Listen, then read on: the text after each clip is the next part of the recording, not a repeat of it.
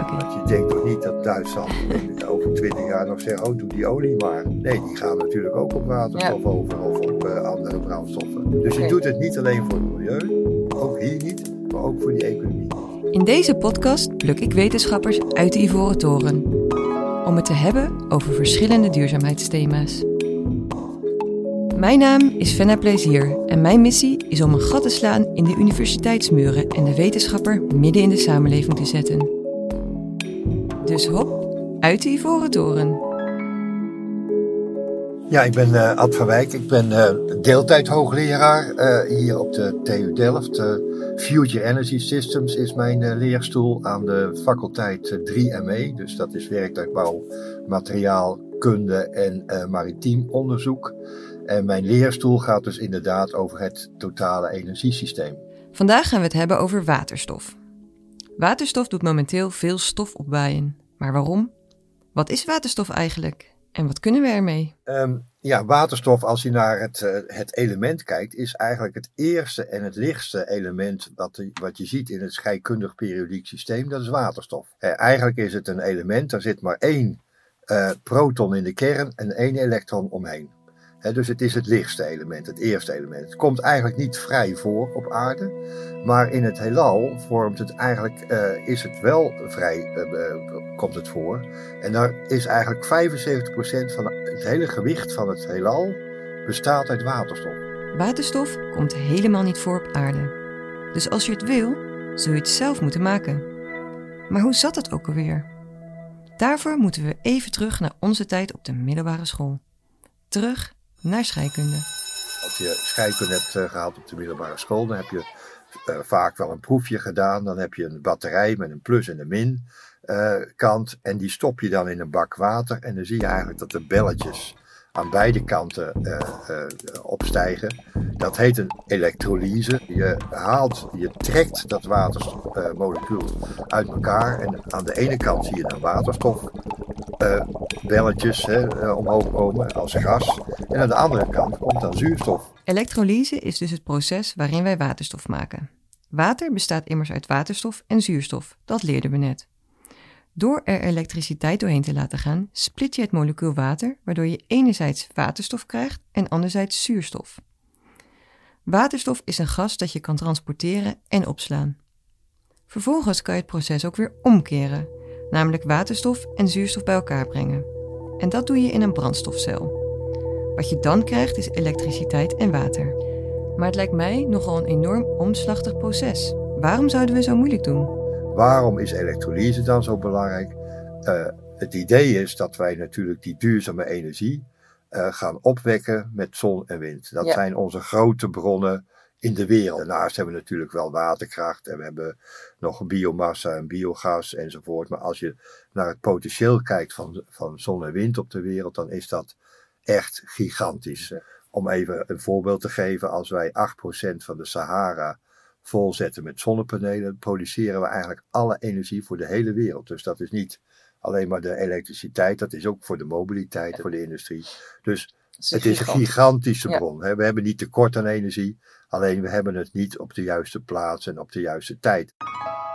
Het wereldwijde energieprobleem in een notendop. Er is genoeg potentie, alleen we hebben niet genoeg energie op het juiste moment of op de juiste plaats. Het grote probleem, je kunt het wel in de vorm van elektriciteit maken met die zonnepanelen, ook met die windturbines. Maar dan gaat de volgende vraag er eigenlijk zijn van hoe krijg ik het nu, die energie, op de juiste plek en op de juiste tijd. En dan zie je dat je niet altijd het geheel kunt doen door een elektriciteitskabel ergens naartoe te, te trekken. Eh, dat is veel duurder om het via elektriciteit te vervoeren dan via waterstof. Maar dan heb je het ook nog niet op de juiste tijd. En dus moet je opslag gaan doen. Maar als je naar de keten kijkt, dan zie je eigenlijk dat je dus door het om te zetten, kun je het veel goedkoper transporteren. En, veel, en echt heel veel goedkoper opslaan. En zo kun je eigenlijk een systeem bouwen wat wel altijd betrouwbaar energie levert. Het systeem wordt dan betrouwbaar en eigenlijk ook betaalbaarder is. We zien bijvoorbeeld nu al ehm, in Duitsland, daar bouwen ze heel veel meer, uh, hebben ze al heel veel meer offshore wind gebouwd dan in Nederland. Dat gaat die kabel wel naar de kust, maar dan komt het aan de kust aan en dan is eigenlijk de kabel, de elektriciteitskabel, te klein om het te kunnen transporteren naar Berlijn. Dus op dit moment uh, wordt er al voor een kleine miljard euro elektriciteit vernietigd, omdat de kabel het land in eigenlijk veel te klein is. Waterstof is dus een praktische oplossing voor ons energieprobleem. Bijvoorbeeld als we kijken naar windenergie. Als het waait, hebben we misschien te veel energie. En als het koud en windstil is, hebben we te weinig energie. Bovendien zien we in Duitsland dat energiekabels zelfs te klein zijn om de energietoevoer vanaf zee aan te kunnen. Het mooie van waterstof is dat je het kwijt kan in het gasnetwerk. We willen natuurlijk minder aardgas, dus er zal capaciteit vrijkomen voor een ander gas, zoals waterstof. Maar in principe is dat gasnet uh, geschikt en ook eh, in het gasnet zit heel veel meer capaciteit. Dus om er energie door te transporteren. Even weer naar Nederland terug. Als we naar het elektriciteitsnet kijken, dan heeft dat maar een capaciteit van 20 gigawatt, 20.000 megawatt in het hoogspanningsnet en 7 gigawatt in het middenspanningsnet. Maar als we naar de capaciteit in het gasnet kijken, dan heeft dat 350 gigawatt aan capaciteit, 350.000 megawatt. Nou, dat gaan we minder gebruiken. Dus er komt capaciteit vrij. Nou, nou kan je dus heel veel meer gaan bouwen in elektriciteit. Ja. Of wat er al is, gaan hergebruiken. Nou, dat is sowieso een factor 100 goedkoper. Ja. En we kunnen daardoor sneller die duurzame energie eigenlijk krijgen op de plek waar we dat willen hebben. Waterstof kan je dus transporteren via onze gasleidingen. Het opslaan zou kunnen in de zogenaamde zoutkoepels. En hiervan hebben wij er al een paar in Nederland. Die zoutkoepels die zijn er. Daar hebben we er ook nog een aantal van die we helemaal niet gebruiken. Nou, één zo'n zoutkoepel, uh, voor de vergelijking, daar kun je 6000 ton aan waterstof in opslaan. Dat gebeurt ook al in Texas en, sinds 1972 bijvoorbeeld ook al in zoutkoepels in, in, uh, in, uh, in Engeland, in de UK. Nou, 6000 ton. Ter vergelijking, dat is dezelfde hoeveelheid energie die je opslaat in 17 miljoen thuisbatterijen van 14 kilowattuur. Voor de opslag en transport van waterstof lijkt er dus al een infrastructuur te zijn die we zonder al te veel problemen kunnen gebruiken. Waarvoor gaan we het dan gebruiken? Laten we even kijken naar Zuid-Holland. We hebben hier de Rotterdamse haven, veel verstedelijking en we hebben de glastuinbouw. Volgens Ad van Wijk is waterstof in deze regio van groot belang. Want je denkt toch niet dat als wij hier die olie gaan importeren en dat we dat dan doorvoeren naar Duitsland. Dat mhm. Duitsland in, over twintig jaar nog zegt, oh doe die olie maar. Ja. Nee, die gaan natuurlijk ook op waterstof over of op uh, andere brandstoffen. Dus je doet het niet alleen voor het milieu, ook hier niet, maar ook voor die economie. In de haven draait alles om fossiele brandstof. Maar waterstof zou voor de haven een duurzaam alternatief kunnen zijn. Dit is niet alleen nodig voor het klimaat, maar ook een kans voor onze economie. Maar is het ook een kans voor een ander soort economie? Kunnen we met waterstof de macht uit handen nemen van grote energiebedrijven, zoals Shell en BP? Of moeten we dat juist niet willen? On the one hand, I congratulate Dutch Shell and BP. They're eight years ahead of the curve. They understand this transition to renewables and hydrogen. We luisteren hier naar een fragment van Tegenlicht uit 2003. Je hoort Jeremy Rifkin, een Amerikaans politieke adviseur. Hij reageert op de investeringen die Shell en BP doen in waterstof. On the other hand, I'm leery of them because they're going to want, they've already patented a lot of the renewable technologies. They have licenses for the hydrogen. Uh, will they run this whole regime? The power and utility companies, uh, at first they didn't care about distributive generation. They didn't see it as a threat. Then they said, well, wait a minute. What if everyone does generate their own energy? What do we do? Jeremy vraagt zich dus af of het wel zo'n goed idee is dat grote bedrijven als Shell en BP een groot belang krijgen in waterstof. De vraag is, kunnen we wel zonder ze? Ja, ik, uh, ik, ik, zie en ik hoop, laat ik dat ook maar zo eh, formuleren, dat we in de toekomst een, een mix zullen krijgen. Allereerst moet je isoleren en zo, zuinige apparatuur gebruiken, maar je moet op je huis uh, zoveel mogelijk zonnepanelen neerleggen, dat is goed. Maar vervolgens heb je eigenlijk voor in de winter, uh, ja, van elders energie nodig. Dus ja, je zult ook grote bedrijven hebben, of dat nou Shell heet of, of Engie of, of, of, Tesla of wat dan ook nodig hebben om uiteindelijk via die infrastructuur ook op die momenten dat jij tekort komt en in totaal eigenlijk ook energie te kunnen gaan krijgen. Maar het is ook eigenlijk ja, een idee fix dat we dat alleen maar zelf als burgers allemaal zouden kunnen doen. De potentie van waterstof is groot.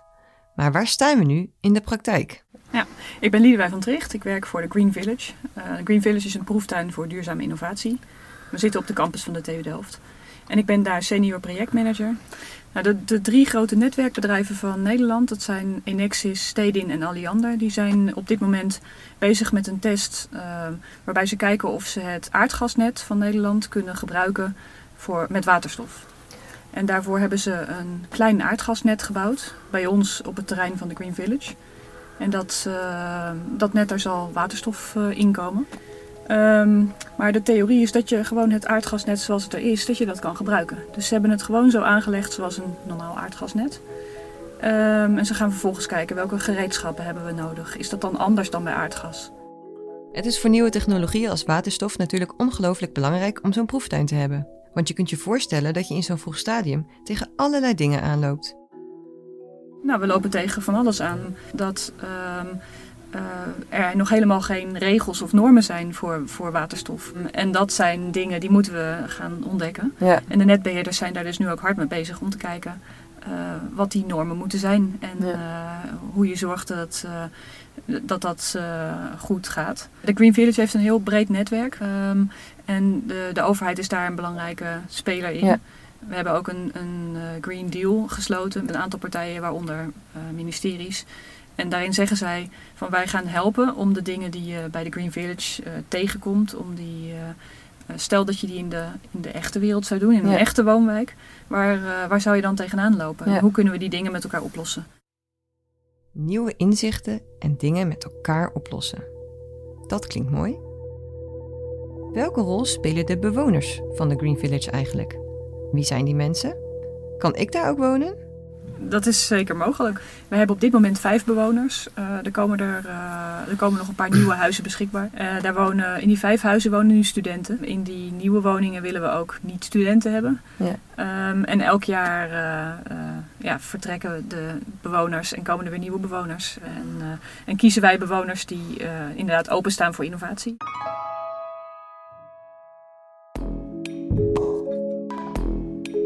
Dit was de eerste aflevering van Uit de Ivoren Toren. Meer luisteren? Abonneer je dan op deze podcast via je favoriete podcast-app. Meer informatie over deze podcast en over onze gasten vind je op www.center-for-sustainability.nl. Deze podcast is gemaakt door Venna Plezier voor het Leiden Delft Erasmus Center for Sustainability.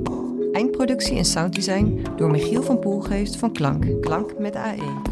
Namens de universiteiten Leiden, Delft en Erasmus dank ik ook onze gasten van vandaag. Tot de volgende uit de Ivoren Toren.